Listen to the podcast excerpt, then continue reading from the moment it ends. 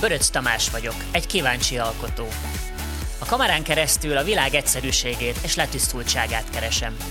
Táncosként, zeneszerzőként, fotósként és videósként számtalan előadásban közreműködtem már, amik segítenek abban, hogy mindenben keressem a kreativitást. Az a célom, hogy a technológia és a művészet találkozási pontjában történetet meséljek el. A te történeted. Lehet, hogy úgy érzed, hogy kisgyerekként óriási terhet tett rád egyetlen mondat, viszont kiderülhet évekkel később, hogy ez mégis óriási áldás volt. Ne döntsd el tehát azonnal valamiről, hogy az jó vagy rossz, hagyd neki időt, és kiderülhet, hogy sokkal nagyszerűbb, mint amire gondolni ismertél. Ez a gyerek sokra viszi. Olvashattad a könyvem legelején, és most, hogy a végéhez közeledünk, ennek az eszmefutatásnak talán magad is érted, hogy miért volt ez izgalmas mondat akkor, és miért izgalmas ma, visszagondolva mindarra. Kaptam kisgyerekként egy nehéz batyut, amit olyan görcsösen cipeltem, hogy nem maradt sok energiám arra, hogy az igazán fontos dolgokra is annyira figyeljek, mint a batyura. Aztán idővel szereztem egy ollót, és rájöttem, hogy a teher enyhíthető, ha elkezdem levágni a felesleges fonalakat. Így az évek alatt egyre csak fogyott a batyú, és egyre kisebb lett. Persze addigra már egészen megszoktam, hogy van, és esetenként meg is feledkeztem róla, de mégis mindig ott volt.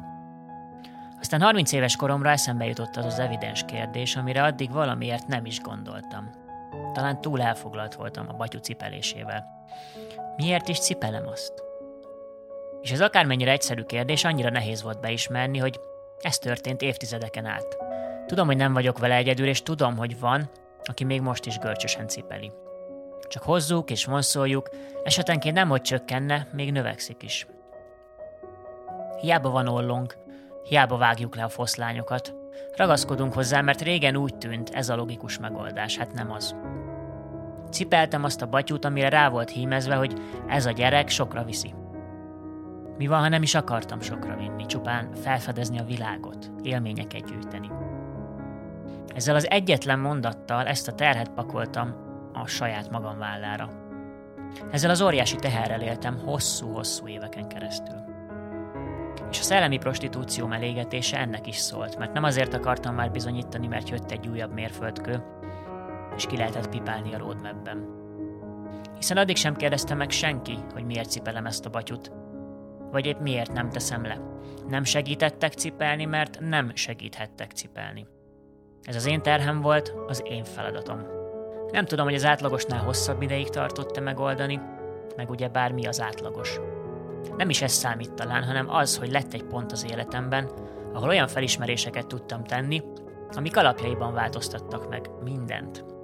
A múltamon, az elkövetett hibáimon, a másoknak okozott csalódásokon, de még a felejthetetlen meglepetéseken, élményeken sem tud mindez változtatni.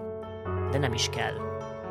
A lényeg inkább az, hogy eljutottam egy olyan pontra, honnan már csak felfelé vezet az út, és nem azért, mert hirtelen olyan jó lennék, hanem mert a batyom cipelése helyett hozzáláttam az életem teremtéséhez, és rájöttem, hogy olyan dolgokra vagyok képes, amikről eddig nem is tudtam. Például az állandó racionális érvek gyűjtögetése, mérlegelése helyett intuíció segítségével hozok meg egy-egy döntést. Vagy nyitott szemmel járok a világban, és észreveszem az élet azon rezdüléseit, amik eddig is azt sugalták halkan, hogy ott dolgom van, most viszont már kristálytisztán a szemembe mondják, hogy ott a helyem.